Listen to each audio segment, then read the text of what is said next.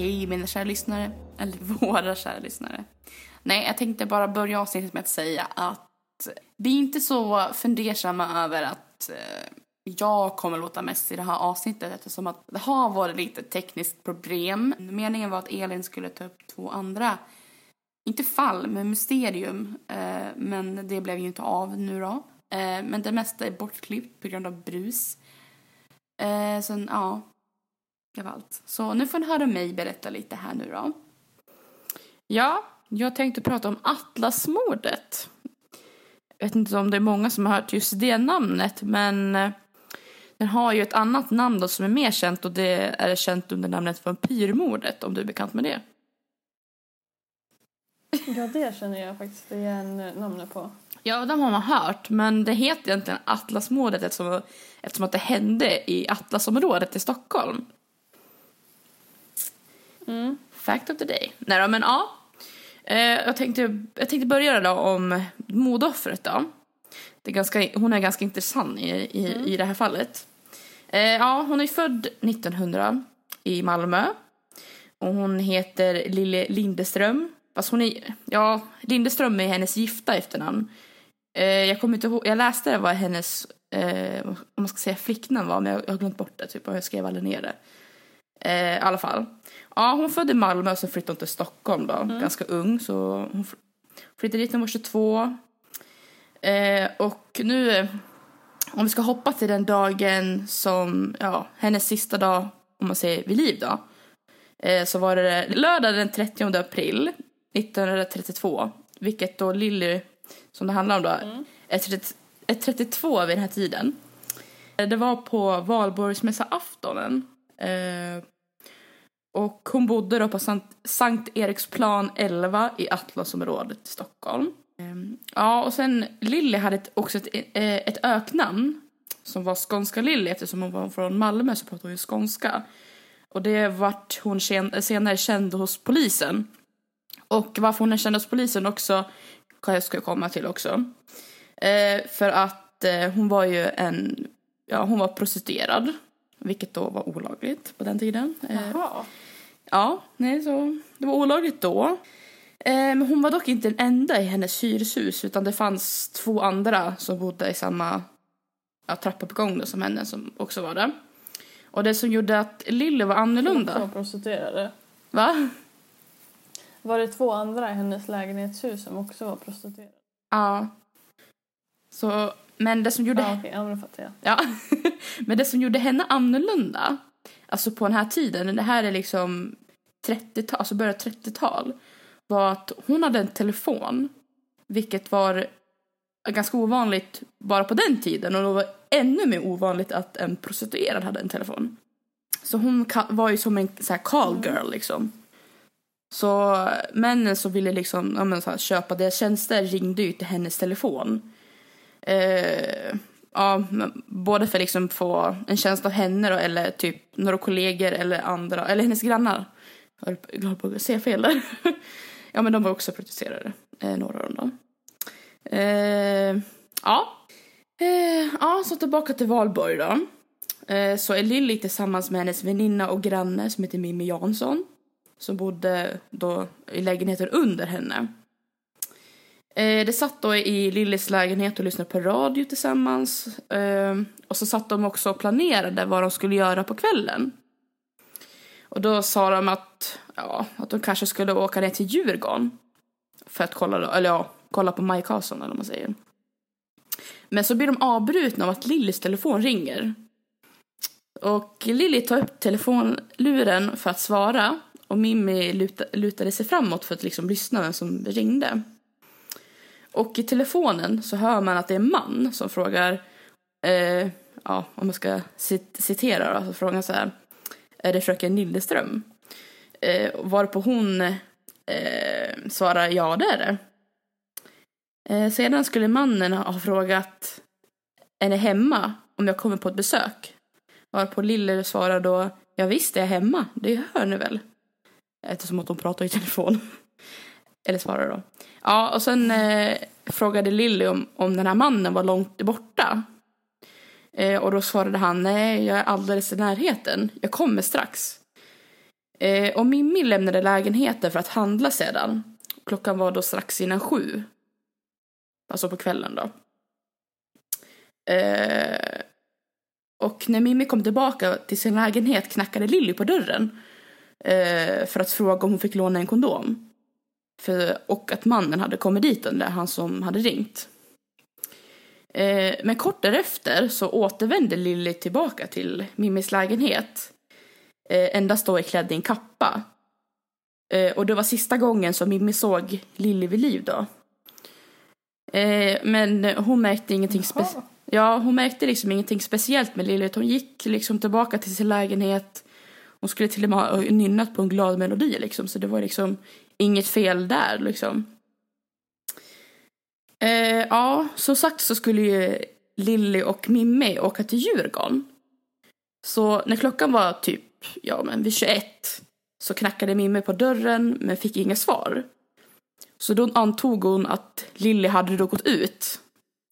Eh, och dagen efter, alltså den första maj, eh, återkom eh, Mimmi och knackade på hos Lilly, men det var ju ingen som öppnade. Eh, och hon trodde att Lilly säkert var ute med kunden som hade ringt när hon var där tidigare, då, dagen, efter, eller dagen innan. Eh, och eh, hon berättade också att det hade hänt förut att hon hade varit borta med en kund. Men oftast hade Lilly då berättat om att hon skulle iväg med en kund innan. Men det hade hon inte gjort nu då. Eh, och sen konstigare saker och detaljer sker för olika personer som bor i huset eller har någonting med hyreshus att göra. Det bevittnar plötsligt tystnad efter Lilly eftersom att hon är annars glad och liksom social. Eh, men Lilly synes liksom inte till så att det började kännas lite så konstigt. Eh, till exempel Lillys telefon. Ja, Lillys telefon ringde men det var ingen som svarade. Eh, och en manlig kollega till Lilly, nej jag säger inte manlig kollega, jag menar en manlig, ja man ska säga vän, hade försökt ta på Lilly men han fick inte heller tag på henne. Så då blev han orolig. Eh, han hade av sig till Mimme också och uttryckte sin orolighet då. Eh, över att Lillys, ja, ja, hon plötsligt försvann då. Eh, och Mimme instämmer då att hon också är även orolig. Så det beger sig till en kvinna som heter Rut Jansson som var gift med, eh, om man säger, alltså hon var gift med hyresvärden för själva huset.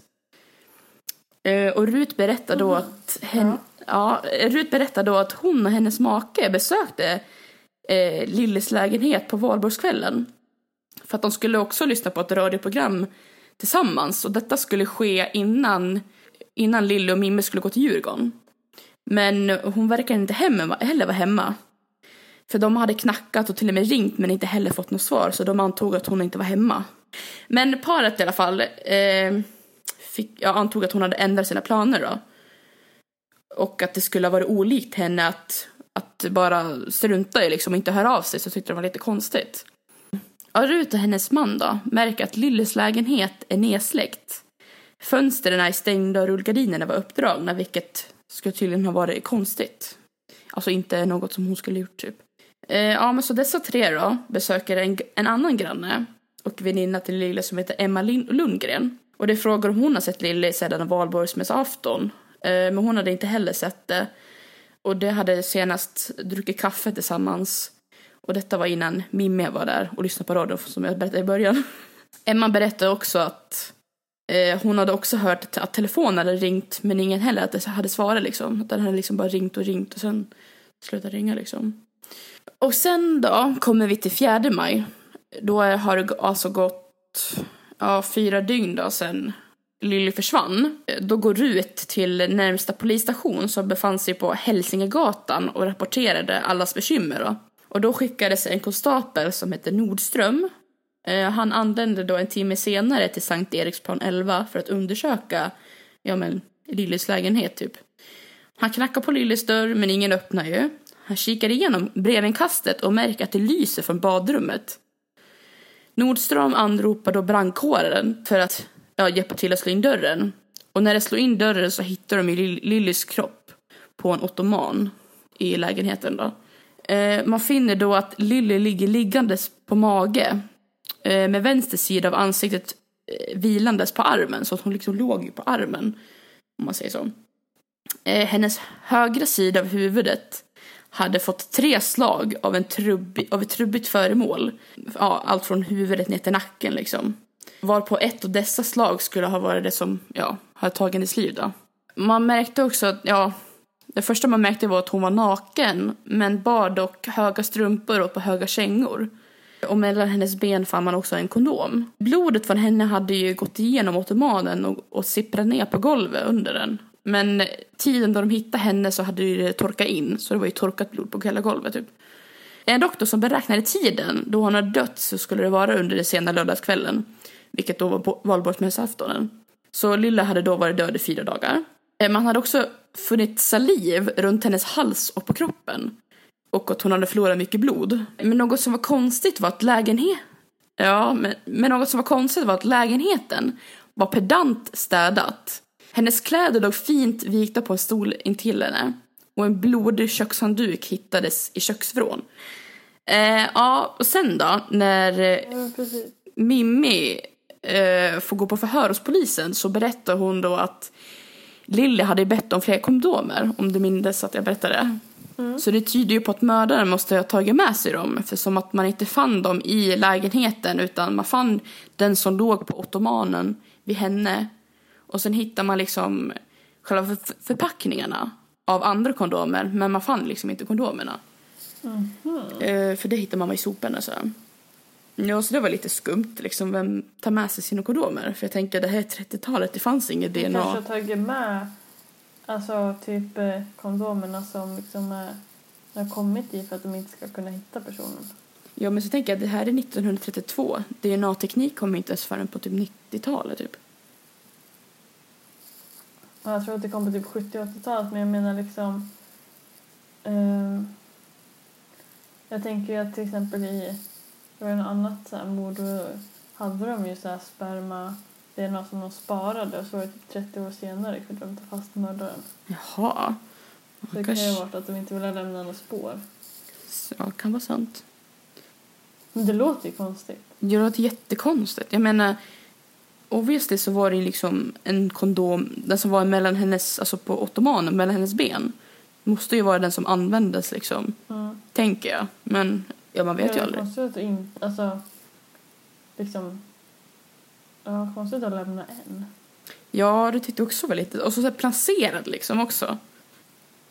Eh, det var lite specifikt. Mm. Eh, ja, eh, en annan sak då som Mimmi lade märke till vid, vid Lillys telefon var att lappen eh, som hon hade på liksom, själva telefonapparaten så fanns det en lapp med hennes nummer. Eh, och denna lapp hade hon gömt undan, vilket tydligen var bara något som hon gjorde med kunder som hon inte litar på. Alltså var det typ så här, om man, om man kan kalla det för stammis eller, eller sådana hon liksom, ja, men kände att hon kunde lita på, då hade hon liksom lappen framme. Eh, så det här betyder ju då att, att hon förmodligen inte litade på den här kunden. Just det, en, no, en, en note också om man säger var ju att eh, jag, jag tror jag hoppade över och berättade men han, den som, han som ringde tidigare det var ju ingen som varken Lilly eller Mimmi liksom kände igen. Men han hade liksom hennes nummer. Så det är så konstigt för, tänk- för de tänkte det var inte konstigt. Ja, för de tänkte så här, men om hon lade undan lappen, varför gjorde hon det om han redan visste om hennes nummer?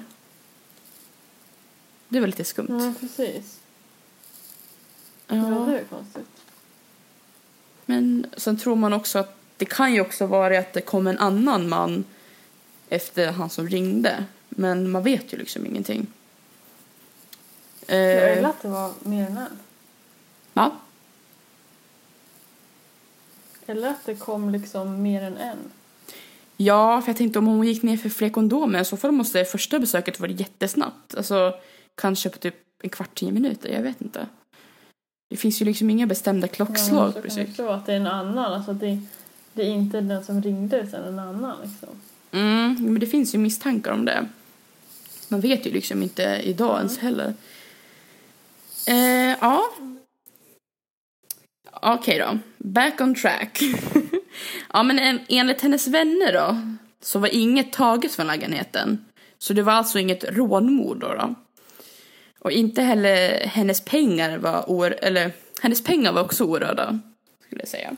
Så även om hon var bra ekonomiskt ställt så mördade hon inte ut efter hennes pengar. Då. Efter midnatt då så bar man ut Lillys kropp och den 16 maj blev hon begraven i Malmö då, så hon fick begravas hemma då, på hennes hemmamark. Eh, sex eh, veckor senare då, så hittar man en såsslev nära Lillys adress. Eh, på den var det också intorkade bruna fläckar som skapade teorier om att mördaren av Lille då, hade använt denna eh, slev för att druckit hennes blod.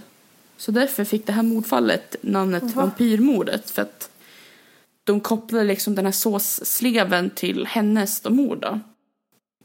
Men inget av det här är ju bekräftat fastän, fastän idag så finns bevismaterialet kvar. Men det är ingen som har testat liksom om det är sås eller om det är blod. Nej, men... Gud, det lät ju väldigt obehagligt om det skulle vara så att den drack blodet med en såslev. Mhm. Jag gjorde faktiskt en, en liten så efterforskning faktiskt. Och läste typ så här om man kan, alltså, mm. om man kan dricka blod i så stora mängder. Men tydligen så är det typ, det blir giftigt för kroppen. Kroppen kan bara hantera typ lite mm. blod mm. Om man äter typ så här. Jag tänker det kan ju ha någonting att göra med att man har olika blodtyper också. Ja, det kanske också. Okej, okay, men efter mordet då så förhörs ju vännerna och grannarna. Bland annat Rut då, hon som är gift med hyresvärden. Berättar i fråga om hur Lilly var innan hon, eh, hon blev mördad då, så berättar Rut att Lilly var sig själv. Att, ja, det var ingenting så här, eh, som stack ut typ så här, om man säger så. Eh, för att eh, Lilly hade nämligen tidigare betalat hyran då för maj. Mm. Men sen, eh, sen visste också Rut om att Lilly var prostituerad och såg detta genom fingrarna. Eftersom att, som sagt, det var olagligt på den tiden. Mm. Ja, Mimme då igen då. Tillbaka till henne. Eh, hon i ett förhör eh, så berättade hon att mannen då, som hade ringt då, att han lät väluppfostrad men, men varken hon eller Lille känner igen rösten då. Och polisen som förhörde Mimmi frågade hur hon menade. Ja, hon, då svarade hon ja, så fint på något sätt. En fin, nykter herre. Och Mimmi säger också att Lilly var ganska orädd av sig och att det inte fanns någon i Lillys liv som skulle vilja skada henne. Men tydligen så fanns det det då. Lite olika vittnesmål kring tiden då mordet skedde på valborgsmässoafton var bland annat från en restaurang på Markplan på samma adress. Där en man hade kommit in vid 21-tiden och beställt två stekar. Kvinnan som var vittnet hade känt igen en porslinbehållare som hon visste att Lille brukade använda. Men det var ju liksom ingen vidare på det där, men det var också lite skumt. Men sen vet man inte, det kanske var någon, hon kanske var den enda just i huset som hade det, men sen kanske inte var någonting ovanligt, det vet man inte heller. Eh, och sen det här paret Jansson då, alltså hyres, hyresvärdarnas fru då, hade ju sett Lillis lä lägenhet, att den var släckt. Men när Nordström, alltså han där konstapeln, tittade in så löste eh, genom badrummet, vilket tyder ju på att natten då hon blev mördad och till dagen hon fann, eller de hittade henne så hade ju någon varit in i hennes lägenhet och tänt i alla fall lampan. Så det tyder ju att mördaren i alla fall varit kvar där då. En annan konstig händelse som skedde var på att, eller var att en granne till Lilly hade fått inbrott klockan fem på morgonen den första maj. Alltså några timmar efter mordet. Eh, och mannen beskrivs ha varit typ ung, alltså typ ja men, typ sen tonår eh, och försökte öppna en låda vid hennes skrivbord. Kvinnan då skulle då ha blivit rädd och börjat skrika. Och då hade mannen försökt hålla henne tyst genom att hålla för munnen, alltså med handen. Men kvinnan hade då lyckats fly och ropa på polis som passerade, eller patrullerade säger menar jag, eh, utanför henne och hörde hennes rop. Polisen fick då gå igenom hela trappuppgången men hittade ingenting. Vilket var då konstigt om man tänker efter. För att inbrottstjuven var tvungen att Ja, för han var tvungen att passera både kvinnan, då hon stod nere vid ingången, och antingen så måste ha gått in i någon lägenhet eller gått upp i rök. För det var ju ganska skumt. Eh, jag menar, eh, man kan inte gå upp i rök liksom, så han måste ha tagit, alltså kommit ut någonstans. Eh, men kvinnan beskrev mannen, ja, som sagt, i sen tonår, och hans kläder då, beskrevs som att han kom inifrån huset eftersom han hade inte de här typiska ytterkläderna som man hade på den tiden, vilket var typ en kappa och en hatt. Så han hade ju inte det, han hade liksom kläder för att vara inomhus. Och polisen tyckte dock att kopplingen mellan mördaren och inbrottstjuven inte var samma eftersom att inget var taget hemma hos Lilly och det här, den här försökte ju liksom råna om man säger. Men ja, så då tyckte polisen att det inte var samma person då.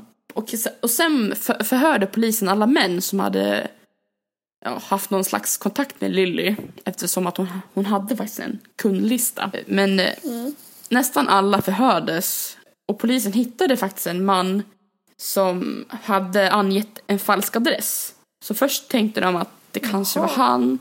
Men sen tog de, ja, då tänkte de att det säkert var en, en man som var gift eller hade liksom en offentlig profil om man säger så. Så det var nog därför. Eh, några andra personer som hade haft relation med Lilly förhördes. Varav, ja, det var varav en dansk servitör som jobbade på en restaurang inte så långt därifrån. Eh, men han hade ett starkt alibi. Eh, så det uteslötes. Ja, och Atlasmordet då fick ju namnet Vampyrmordet. Och det var faktiskt först efter en huvudrubrik i Aftonbladet som de använde. Syftet var att man trodde då att mördaren hade druckit Lillys blod från den såsleven som hittades. Och Leif GW Persson i en dokumentär menar att sleven lika kunde gärna komma från restaurangen för att den var för vek för att ha kunnat döda, eller ja, vara dödligt vapen. Dessutom kunde de bruna mm. flickorna vara sås då och inte blod. För som sagt, inget har testats. Eh, att mördaren är utesluten idag, ja, men sen att det kallas vampyrmordet idag så borde det inte kallas för atlasmordet för det har ju, det finns egentligen ingen grund på att det ska heta vampyrmordet egentligen. Men någonting också annat att hitta ett intressant fakta var ju att man trodde också att eh, mordvapnet kunde faktiskt ha varit en betong. Så man trodde faktiskt att det betong. skulle kunna vara en, poli ja, en betong. Alltså sån här som polisen har. Så de tror också Jaha. att det finns en teori om att det var en polis som mördade Lily. But we don't know. Ja. Nej, så det var allt om henne då. Nej, det fanns så mycket så här, alltså, så här konstiga teorier. Jag menar liksom... Ja, men verkligen. Jag tyckte det också det som är lite läskigt. Tänk om hon tittade in i hennes lägenhet vid tiden hon kanske hade precis dött liksom. Tänk om man kunde ha sett mördaren i fönstret. Ja, precis. Och så liksom om någon annan hade tittat in så kanske Alltså de hade liksom sett det tidigare så jag vet inte ens förstår vad du menar. Mm. Mördaren kanske var i lägenheten när någon av dem där var och plingade på någon gång. Ja, det tänker jag också. Tänk, liksom, tänk om de hade tittat in genom brevinkastet så såg de på två fötter eller någonting. Usch. Ja, kanske man hade sett något med några byxor av honom. Alltså förstår du vad jag menar? Alltså fått någon skymt av honom liksom. Ja. Men det, det finns ju också, det finns ju ett mordfall. Men det finns ju ett olöst mordfall i Tyskland där en hel familj plus mm. deras piga vart ju mördade. Och mördaren bo, alltså, levde liksom i huset i några dagar eftersom att det kom ju rök från skorstenen fast liksom familjen hade blivit mördade.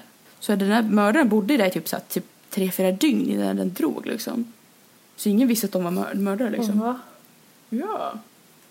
Så han bodde liksom i deras hus några dagar? Ja. Liksom. Ja, och det värsta var att fotspåren kom från skogen. Jätteläskigt. Det är jättesjukt. Ja, kanske kan ta upp det till ett avsnitt. Vad har du 45. för nästa mysterium då, eller olösta Ja, ja man kan ju säga o, ja, alltså det är ju, det är ju mord, folk dog men det är också typ som ett, alltså ett mysterium typ. Eh, och då är det angående Telenol. Eh, Vad sa du? Som, ja, det är ett läkemedel som heter Tylenol. Eller läkemedel, det är typ smärtstillande. Mm. Typ ungefär, kanske inte direkt liknande, men typ som Alvedon typ. Det, alltså det är känt i USA. Eh, och det här mm. skedde då i Chicago. Ja, ska vi, nu ska vi åka tillbaka till tiden då. Igen. Eh, ja, det var den tidiga onsdagsmorgonen den 29 september. Nej, jo, 29 september. 1982 i nordvästra Chicago. Och då var det en tjej, eller en flicka kanske man säger, eh, som hette Mary Kellerman. Hon var 12 år vid den här tiden då. då. Och hon hade börjat känna sig lite ja, men krasslig, det här var på morgonen. Så hon mm. då gick in i badrummet för att ta fram ett receptfritt ja, värktablettspaket då för att ta en mot hennes förkylning då. Och Marys pappa, Dennis Kellerman, eh, hör då hur hon går in i badrummet och sen ett ögonblick senare så hör han då en, en dov duns. Han blir ju lite orolig då och frågar om allt var okej. Men han får inget svar. Och då upptäcker han då, efter att ha gått till badrummet så ser han henne liggandes på golvet medvetslös. Och han får liksom ingen kontakt med henne. Och då hade hon ju tagit värktablett då. Som då var fallet till att hon svimmade av. Men det visste man inte då riktigt. Eh, ja men så, om man säger pappan Kellerman då, eller Dennis då. Ja, Mr Kellerman kanske man kan säga. Ringer då ambulansen, klockan var då halv sju på morgonen. Dave Sprung hette sjukvårdaren då som kom till platsen och han gjorde allt han kunde för att liksom få tillbaka Mary till medvetandet men inget, eller verkade funka då, för man visste inte då vad som var felet. Och läkaren då, eller läkarna vid Alexian Brothers eh, Medical Center kunde inte heller sätta fingret på vad som hade inträffat och hur det skulle kunna rädda henne. För inte kunde Marys plötsliga medvetslöshet bero på en vanlig förkylning. Men vad berodde det på då, funderar man. Man kopplade inte heller sammanbandet då med smärt, ja, den smärtstillande tabletten hon hade tagit. Och klockan hade då slagit tio så hade Mary dött då. Man kunde liksom inte göra någonting för man visste inte vad man skulle göra. I Arlington Heights, eh, som var en annan del av Chicago då, så var, fanns den 27-åriga brevbäraren Adam Janus. Ja, som på morgonen då kände sig också ganska dålig. Han sjukskrev sig och hämtade då barnen från förskolan för att sedan hemma ta två starkare tenoltabletter. ja, som är en amerikansk version på typ eh, paracetamoltabletter då. Och han hade tänkt vila i sovrummet medan värktabletterna skulle börja verka. Men han fick då andningssvårigheter eh, då halsen hade dragit ihop sig. Så han tar sig in klumpigt i, i köket, men den ramlade ihop och låg på golvet med knappt någon puls. Nej men gud. Eh, och Adam då kördes med ambulans in till Northwest Community Hospital Eh, och hamnade då på intensiven på grund av att han inte kunde andas. Och läkarteamet som leddes av Thomas Kim försökte årtagligen gånger uppliva Adam då, men hans liv gick inte att rädda. Strax efter klockan tre på eftermiddagen förklarades Adam död och överläkaren kunde inte tänka ut ett annat scenario än att Adam dog då av ett hjärtstopp. Eh, men vad som orsakade detta visste de inte då. Eh, och familjen då, som hade kommit för att stötta Adam fick ju åka hem då utom honom för han avlevde ju. Och samma eftermiddag, mm. några mil därifrån Adam Janus då som han hette, eh, bodde så bor en fyr, fyra barns mamma som heter, det här är också en Mary, som heter Mary Rayner. Hon har nyligen förlöst sitt senaste barn och har då ont hon bestämmer sig då för att ta något mot smärtan, vilket i detta fall också Tynol. Men bara några mm. sekunder så kollapsar hon och klockan vid tillfället var då kvart i fyra. Så hon ligger då medvetslös på golvet.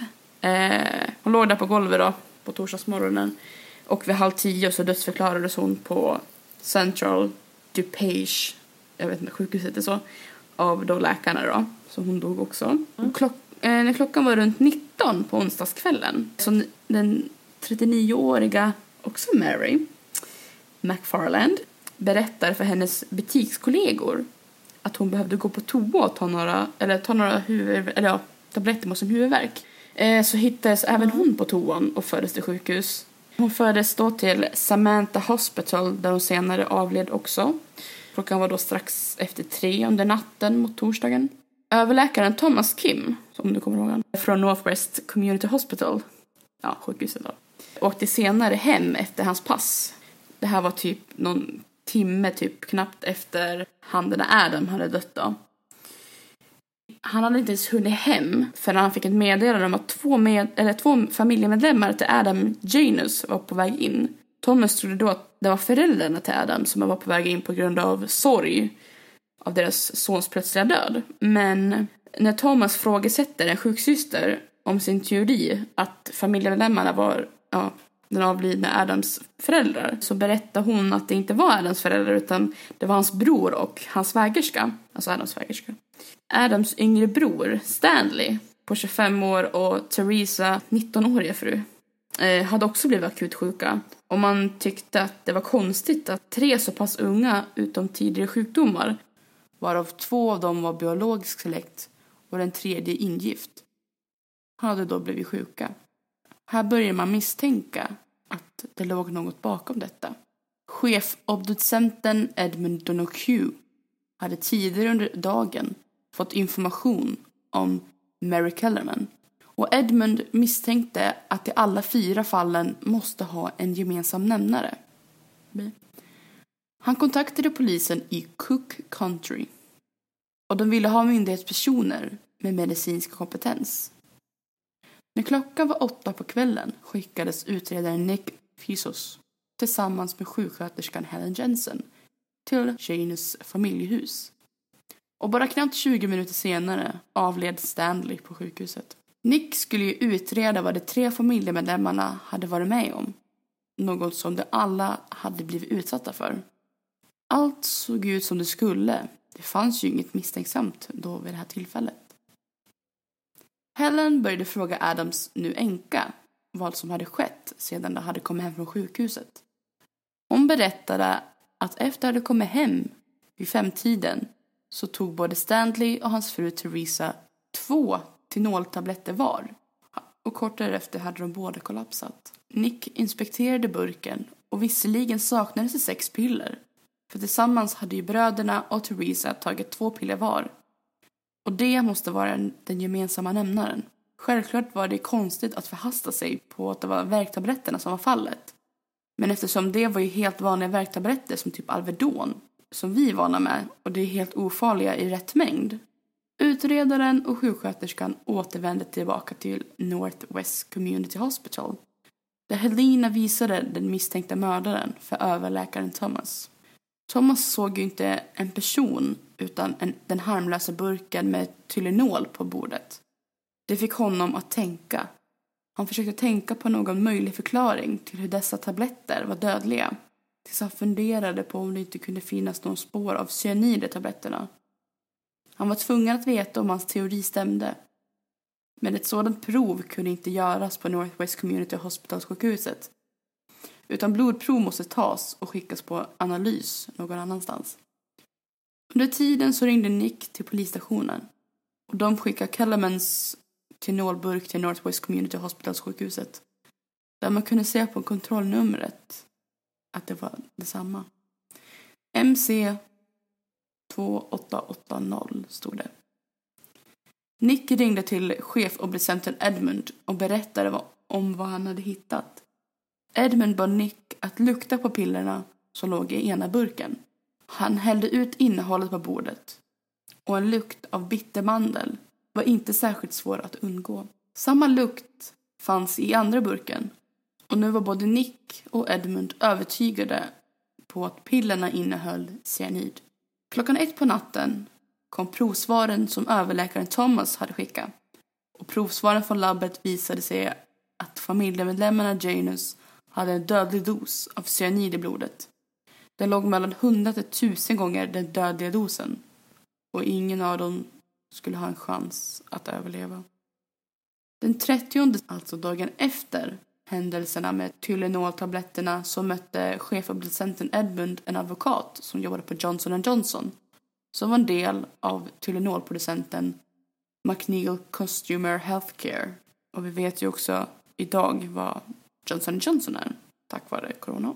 De gick igenom innehållet av tabletterna för att det behövde gå ut till allmänheten och varna dem för detta fynd. Man ville ju trots allt inte att någon annan skulle dö. Men det blev nästan en skandal när Johnson Johnson, när de inte var snabba nog med att varna offentligheten och blev då frågade av chefen över Rättsmedicinska institutet i Cook Country. Och sedan gick Johnson Johnson ut med att de skulle återinkalla alla tinolburkar och dess innehåll. Klockan var då 15 på eftermiddagen då de gick ut och ville få in alla burkar med kontrollnumret MC 2880. Men 35-åriga Paula Prince arbetade som flygvärdinna och hade landat på Chicagos O'Hare International Airport efter att ha kommit just in med ett flyg från Las Vegas. På vägen hem så stannade hon på ett apotek för att köpa en burk Tylenol. När hon var på väg hem var klockan då halv tio på kvällen. När Paolo hade kommit hem så hade även hon tagit tabletterna och föll inför samma öde. Hennes syster hade blivit orolig när Paolo inte hade hört av sig eller dykt upp på jobbet dagen efter. När polisen kom till lägenheten, två dygn efter första offret, nu fredag den 1 oktober, fann de henne liggandes på golvet. Hon hade inte ens hunnit ut ur badrummet innan hon hade ramlat ihop. Och de fann tynolburken i badrummet. Några dagar senare höll borgmästaren en presskonferens och menade att alla tynolburkar skulle återlämnas till Johnson Johnson och man skulle införa nya burkar som var säkrare för konsumenterna.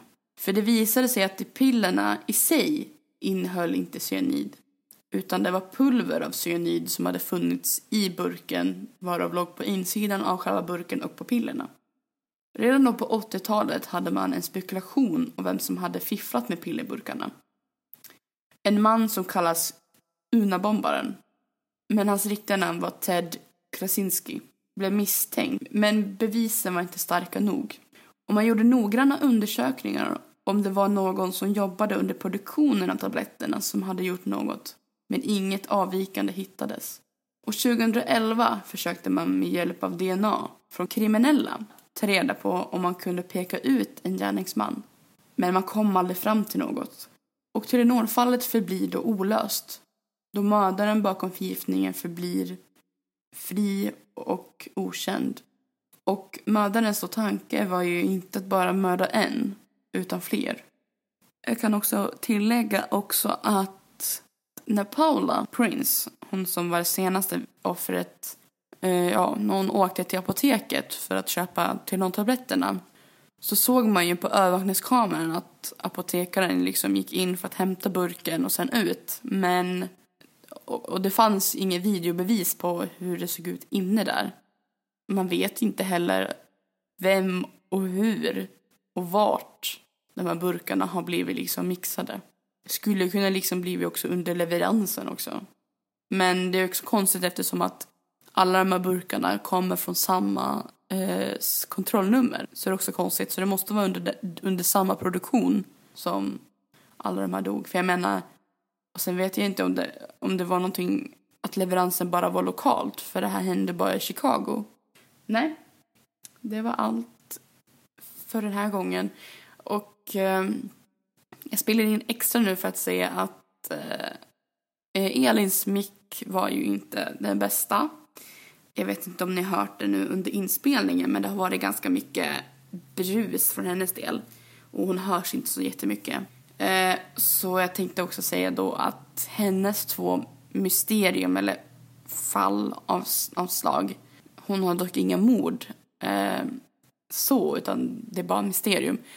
Eh, men de kommer tyvärr inte komma med i detta avsnitt eftersom att ljudet var inte tillräckligt bra. Eh, för annars överröstas ni av mig eller så blir själva hela avsnittet jättelågt volymmässigt för jag har inte kunnat trycka bort bruset för hennes del eftersom att, ja, jag vet inte, det var inget bra. Nej, men jag tänkte passa på då att tacka för att ni har lyssnat då på detta konstiga mystery pod avsnitt eh, med mig då Cornelia och Elin hörs lite då och då kommentera. Om det hörs, det vet jag inte men sorry Elin. Men eh, ja, nej men ni får höra då mer. Då blir det mystiskt då för er då, att inte veta vad hennes två fall är. Eh, så syns vi på återseende. Jag vet att det här avsnittet var lite sent. Vi spelade in det här dagen innan midsommarafton. Och sen vart jag upptagen under hela den helgen och sen har jag varit känt mig otaggad att klippa det här poddavsnittet. Mestadels för att Elins del var liksom dålig, men, eh, eller ja, ljudet var ju inte riktigt som vi hade tänkt då. Men eh, ja, nej, men vi försöker hålla vårt flöde nu igång. Nu är det sommar så jag börjar jobba nästa vecka. Eh, ja, ganska taggad ändå. Jag är inte så taggad på vädret dock för jag tycker inte om att jobba när det är varmt men vad ska man göra? Det är bara att ut och köra. Nej, men eh, jag hoppas att ni som lyssnar får en trevlig semester ifall ni har det. Jag vet inte om upplägget kommer bli 100% som vi har planerat som tidigare, men jag tänker att vi båda har ju typ sommarlov. Eh, jag går efter schema och Elin är ju ganska ledig under sommaren. Så tror jag det ska bli bra. Kan inte jag så hoppas jag att hon kan ta över och göra ett avsnitt om det känns, om det känns så. Jag menar det blir typ som jag just, gör just nu. Nej, men nu har jag babblat klart här så tack för att ni har lyssnat på mig Cornelia och Elin då. Eh, så hörs vi. Hej så länge.